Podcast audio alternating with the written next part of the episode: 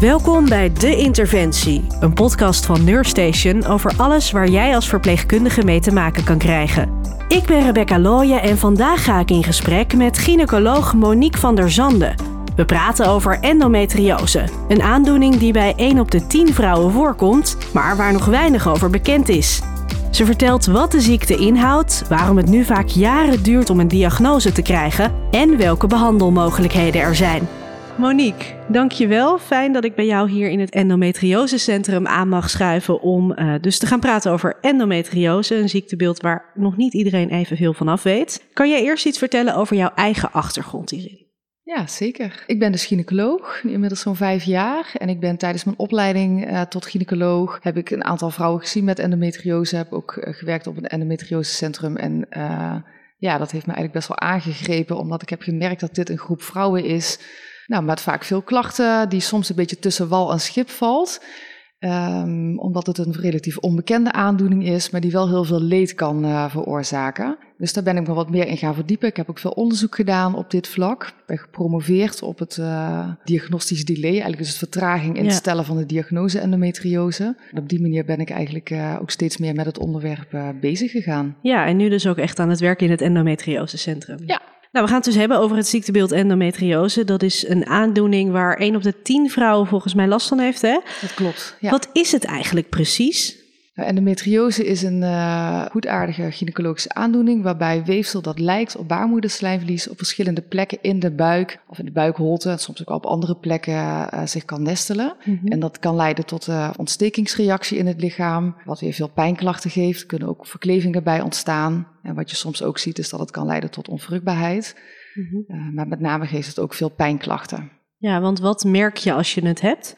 Nou, dat kan ontzettend diversiteit aan klachten geven. Dat maakt het ook meteen zo lastig om mm -hmm. het te herkennen, maar daar komen we denk ik later nog wel op. Zeker. Um, veel voorkomende klachten bij endometriose, dat zijn uh, uh, nou, pijn bij de menstruatie, maar ook pijn bij het vrijen, moeite met zwanger worden. Um, ja, ook zeg maar, chronische buikklachten is een klacht wat heel veel voorkomt. En dat -hmm. kunnen chronische pijnklachten zijn, maar ook bijvoorbeeld opgezette buik of last van de darmen. Ja, Jeetje, heel erg ja, breed heel eigenlijk. ja, ja, pijn bij de ontlasting, pijn bij het plassen. Van alles kan, uh, kan erbij voorkomen. Ja, dus het maakt het eigenlijk meteen heel lastig om zomaar aan te voelen: oh, ik heb dit, dit en dit. Het zal wel endometriose zijn. Ja, Ja. dat klopt.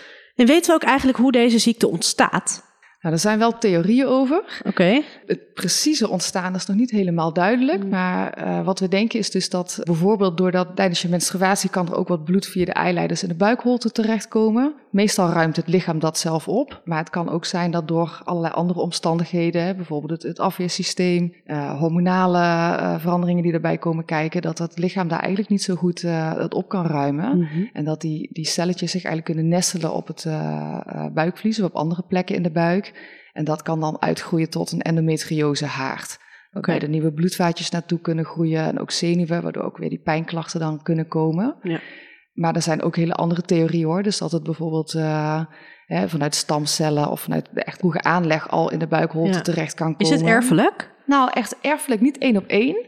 Maar er zit zekerlijk wel een, een erfelijke factor in. Hè. We zien bijvoorbeeld dat vrouwen met uh, endometriose ook veel vaker een eerste graads uh, familielid hebben die ook endometriose heeft. Ja, dus je ziet er wel iets van een patroon in. Ja, ja, Ja, zeker. Ja. Maar er is dus niet, omdat we dus niet precies weten waar het door komt, niet iets waarvan je zegt: dit kan je doen om de kans te verkleinen dat je het ontwikkelt of dat je het op een bepaalde manier kan voorkomen. Nee, voorkomen kan helaas niet. Maar er zijn wel mogelijkheden, om, met name als je het ook vroegtijdig herkent, hè, Mhm. dat je um, het wel ergens kan afremmen. Hè, dus dat je kan voorkomen dat het van een ja, wat, wat minder ingrijpende naar echt een ernstige vorm uh, doorgooit. Waardoor uit, hopelijk dan ook de problemen ook uh, Mhm. minder zijn. Maar echt Ja. voorkomen kan helaas niet. Want het is dus een aandoening dat erger wordt. Als ik jou dat zo kan. hoor. Ja, dat kan. Dus niet bij iedereen zo, maar het kan zeker uh, klein beginnen, zeg maar, en uiteindelijk uh, wel steeds erger worden. En wat bijzonder is, is dat bij endometriose eigenlijk de mate van klachten niet altijd overeenkomt met het, de ernst van het ziektebeeld wat je kan zien, bijvoorbeeld op een echo of bij een MRI of bij een kijkoperatie. Dus uh, hele milde afwijkingen kunnen al hele ernstige klachten geven. Mhm. En soms kom je ook per toeval in een buik terecht waar heel uitgebreide endometriose is. Maar dan zijn de klachten eigenlijk relatief Dus beperkt. er is echt geen pijl op te trekken Nee. eigenlijk. Je kan, je kan soms heel veel last hebben, maar dan blijkt er niet, ja, niet zo heel veel aan de hand te zijn, zeg maar, om het, om het even heel zwart-wit te zeggen. Ehm, maar je kan dus ook eigenlijk niet zo heel veel last hebben en dat het wel ernstiger is. Een ernstigere vorm of een Ja. uitgebreidere vorm. Ja, Ja, dat klopt. En daarom is het ook zo belangrijk om, als wij kijken, als wij vrouwen hier eh, in de spreekkamer zien met endometriose, dat we ons ook echt richten op het functioneren. En dat je daar eigenlijk minder. ehm, ja, natuurlijk is het ook wel belangrijk hoe uitgebreid de ziekte is. Mhm. Maar ja, we, zijn er vooral om vrouwen weer gewoon normaal functionerend eh, te krijgen. ja, natuurlijk. En je zegt al, er zijn dus verschillende vormen van. Wat moet ik me daarbij voorstellen? Ja, er zijn drie vormen endometriose: de oppervlakkige, de diepe en de, kiesteuze vorm, dus de kiestes. Ja. Eh, de oppervlakkige vorm is eigenlijk de, eh, ja, de mildste vorm, waarbij Mhm. je plekjes hebt, endometriose haarden op het buikvlies. Het buikvlies is eigenlijk het laagje wat alle organen in de buikholte bedekt. Hè, dus dat zijn dan meer de, de, de oppervlakkige plekjes. Daar kunnen ook verklevingen bij, eh, bij voorkomen. Ja. Ehm, je kan dus kiestes hebben op je eierstokken. Dat wordt ook wel chocoladekiestes genoemd, omdat Oh. de inhoud van die kiesten eigenlijk ja, een vloeibare Ah. bruine substantie is. Oké. wat, eh, Smakelijk. eh, het klinkt heel leuk, maar dat is het natuurlijk helemaal niet. nee.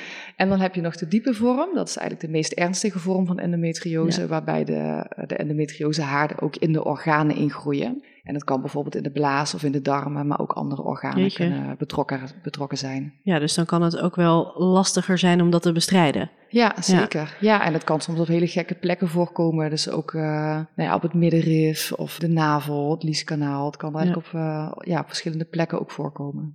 Oké. Hey, je zei net al, het duurt eigenlijk best wel vaak ehm, best lang voordat de diagnose gesteld wordt. Hoe lang is dat ongeveer gemiddeld? In Nederland is dat eh, ongeveer 7,5 jaar. Dus vanaf het begin van ja. de klachten tot het eigenlijk definitieve diagnose. Je hebt daar ook onderzoek naar gedaan. Eh, kan je daar iets over vertellen waar het dus door komt dat die diagnose zo lang duurt? Ja, ik denk dat het eigenlijk vaak een samenloop van meerdere factoren is. En dat begint natuurlijk bij een, een vrouw die klachten ervaart en dan bedenkt van, hè, is dit normaal of is dit niet normaal? Moet ik er wat mee doen? Ik heb gemerkt dat menstruatie toch ook best nog wel een taboe is, ook in onze samenleving. Ik denk altijd, in Nederland zijn we heel liberaal. En ik, Ja. denk dat daar zeker wel... eh, nou ja, wel vooruitgang in zit. Maar toch is het toch een onderwerp wat, wat denk ik niet altijd vrij eh, besproken wordt. En als jonge meid, als je gaat menstrueren, zou het misschien best wel eens goed zijn om dat ook te toetsen aan vriendinnen. Van, goh, ja, hè, Ja. heb jij dat ook? Of, eh, Ja, ik weet ook nog wel dat toen ik op de middelbare school zat, dat je dan zeg maar eh, eh, op school dan, dan maandverband in je mouw stopte als je naar het toilet liep. Want oeh, dat nam je. Ja, dat was ja, dan precies, toch een er wordt er beetje. geheimzinnig over Ja, gedaan. Of een beetje ja. toch wat schaamte of ongemakkelijk. En dat is eigenlijk heel erg jammer, want dat is al de eerste mogelijkheid om het... ja, om, om, om het, wat ik al zei, hè, om het te toetsen. Ja. Van, van hoe gaan anderen daarmee mee om? En hè, wat ik vaker heb gehoord, is het toch bijvoorbeeld al jonge meiden die eh, misschien niet mee kunnen gimmen of niet kunnen sporten of allerlei andere sociale activiteiten niet kunnen doen vanwege hun menstruatie.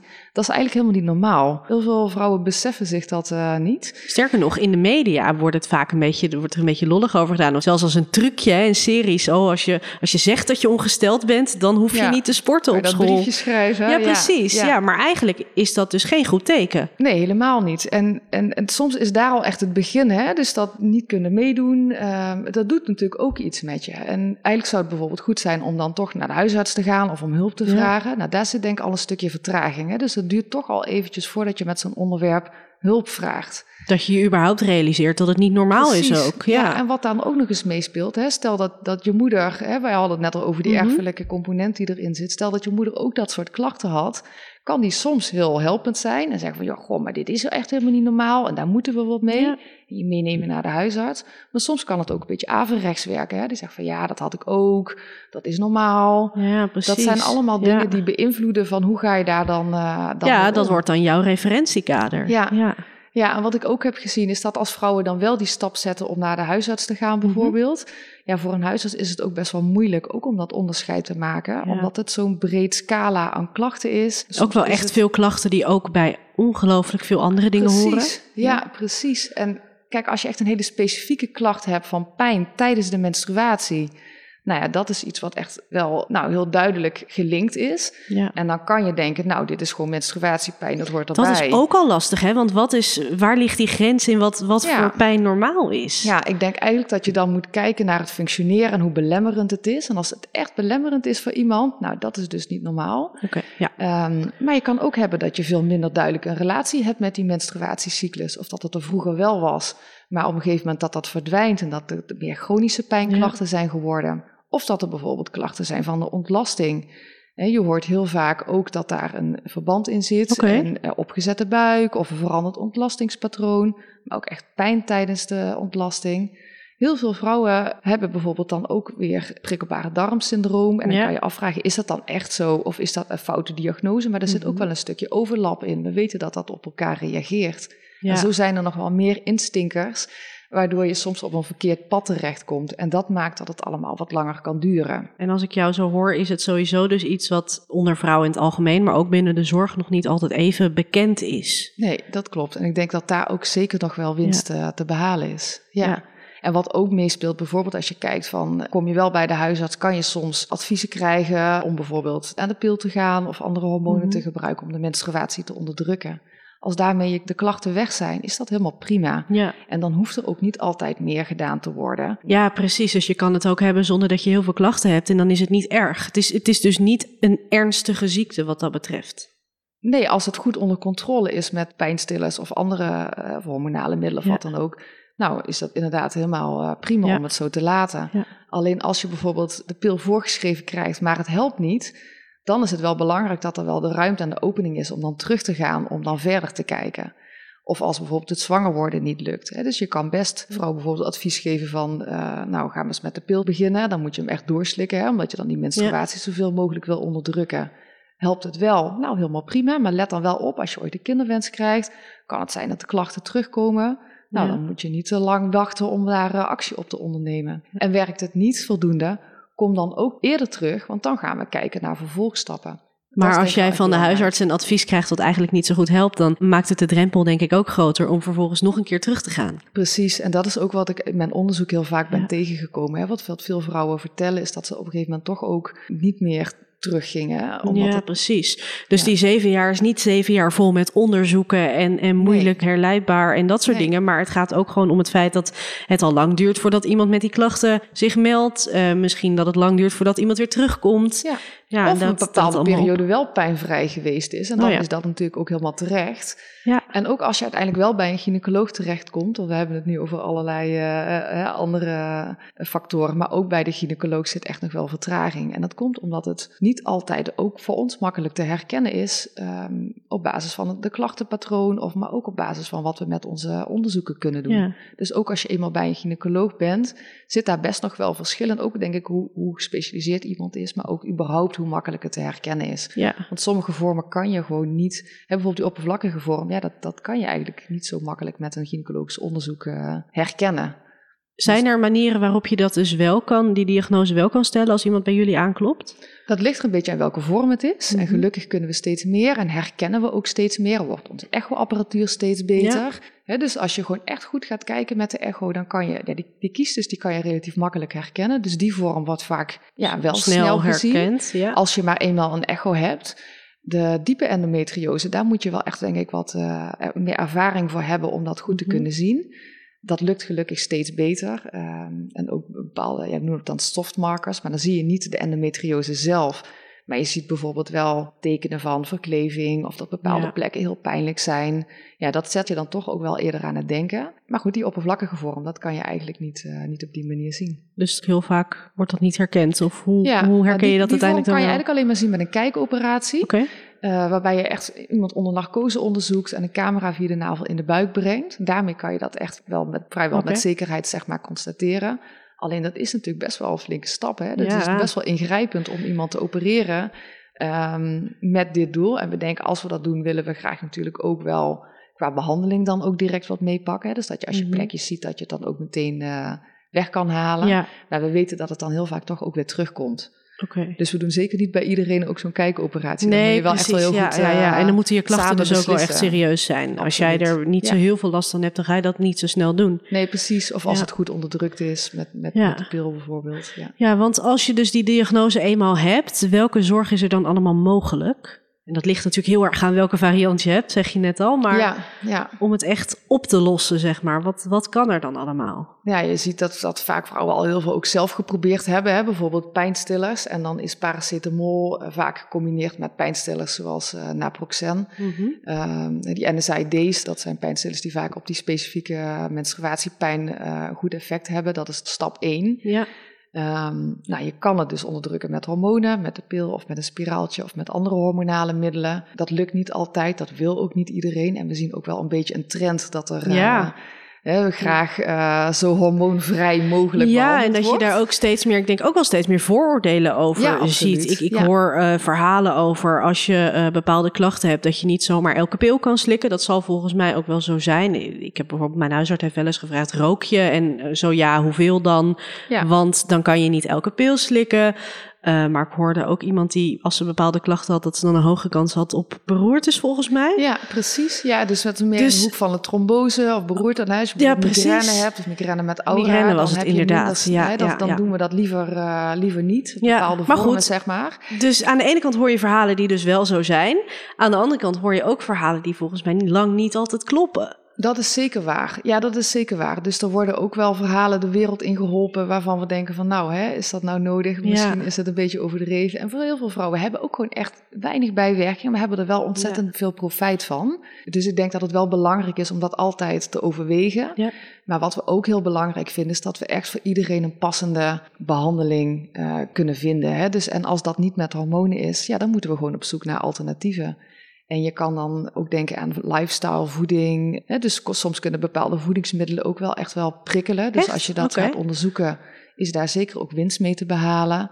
Wat voor dingen moet ik dan aan denken? Nou, hier in het, in het HMC adviseren we vaak het FODMAP-dieet, eh, wat ook bijvoorbeeld bij prikkelbare darm wel uh, wordt mhm. geadviseerd. Dan ga je echt op zoek naar bepaalde voedingsmiddelen waar je op reageert. En dat kan lactose zijn of ui, knoflook. Bijna een soort allergie-experiment, zeg maar. Nou, bijna ja. wel. Dus je gaat dat dan eerst allemaal uit je voeding weghalen. En vervolgens ga je het dan weer herintroduceren om te kijken op welk type voeding dat je dan reageert. En dan ah. is het maar net afhankelijk van wat dat dan is, waar je uiteindelijk qua voeding op, uh, op uitkomt. Ja. Uh, maar dat geeft je natuurlijk ook wel weer iets aan handen om ja, gewoon een beetje de controle te hebben en om zelf mee aan de slag te gaan. Er zijn echt wel veel vrouwen die daar uh, baat bij hebben.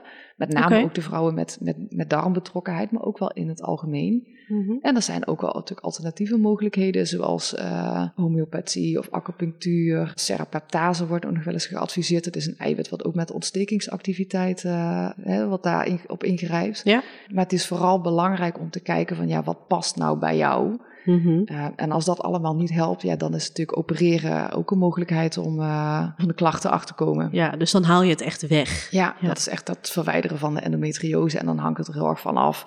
De leeftijd en of er nog een kinderwens is, hoe uitgebreid dat is en wat je allemaal uh, weghaalt. Of je alleen maar de endometriose zelf weghaalt, of bijvoorbeeld ook de baarmoeder of eierstokken weghaalt. Want als je dat weghaalt, komt het dan sowieso niet meer terug? Nee, helaas is dat niet het geval. Oh, hè. Er is altijd de kans dat het ook na een operatie weer hmm. terugkomt.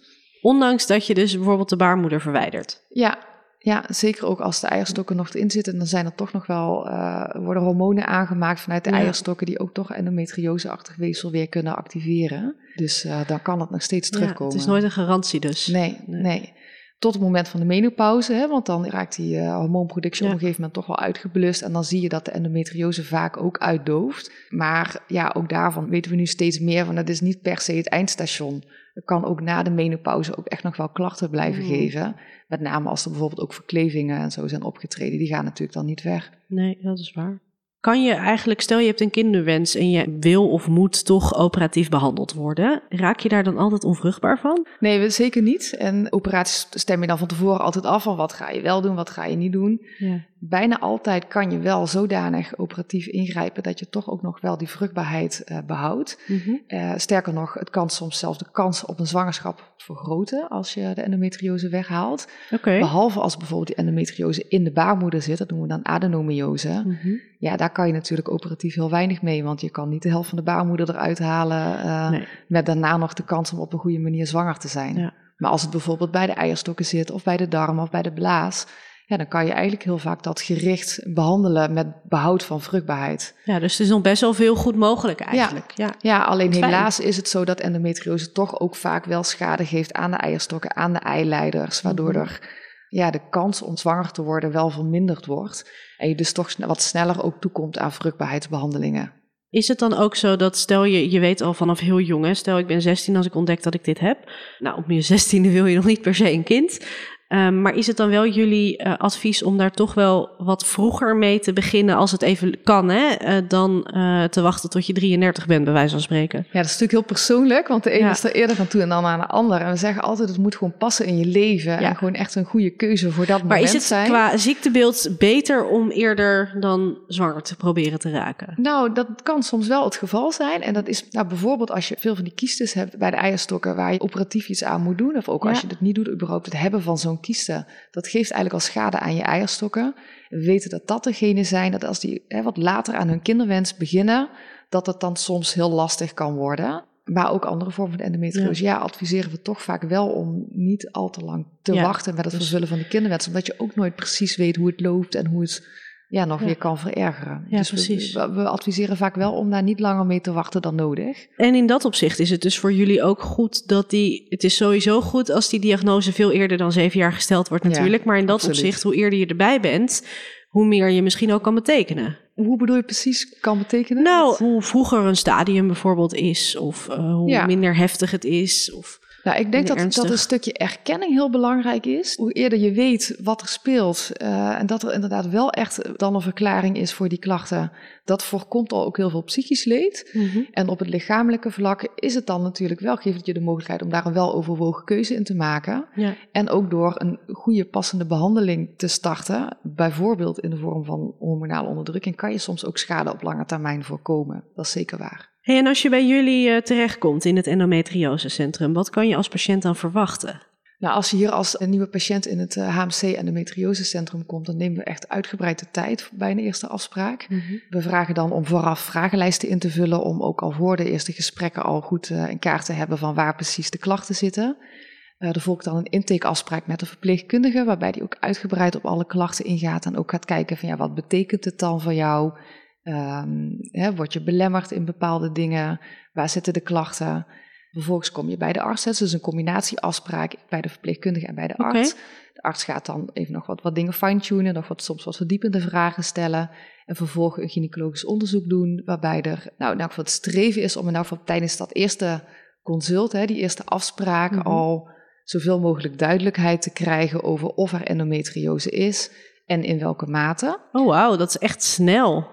Ja, nou, dat, dat, nou ja, als we het hebben over zeven jaar een diagnose en je komt bij jullie en binnen één afspraak neem je de tijd voor iemand. En, en nou ja, het zal niet altijd lukken, maar probeer je zo snel mogelijk meteen duidelijkheid te hebben. Ja, en kijk, bijvoorbeeld die oppervlakkige vorm, dat kan je natuurlijk niet uh, nee. hè, met zo'n eerste afspraak. Maar dan ga mhm. je wel natuurlijk samen bespreken van, nou, hè, zou zo'n kijkoperatie, zou dat eventueel een stap zijn om te zetten. Ja. Maar soms zie je wel al echt afwijkingen en dan kan je daar ook al gericht uitleg over geven. Eventueel kunnen we een MRI-scan aanvragen om het nog verder in kaart te brengen. Mm -hmm. En wat we dan vervolgens doen, is dat we het altijd binnen het team bespreken. We hebben hier een team met veel verschillende specialisten.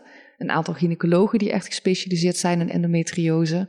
Uh, maar wij werken heel nauw samen met bijvoorbeeld de radiologen, die dan ook weer naar die MRI-beelden kijken, ja. chirurgen, uroloog, uh, pijnspecialisten. En we bespreken dan altijd in het team van ja, wat is nou het advies wat we kunnen geven voor deze vrouw om verder te komen op ja. tot hè, welke behandelvraag er dan ja. ook ligt. Echt heel uitgebreid dus. Ja, ja. absoluut. En we proberen dan ook echt wel te kijken naar het complete en ook wat, wat nog eventueel aan aanvullende therapieën uh, gewenst is. Uh, maar ook gericht op onderdrukking of operatief. Ja.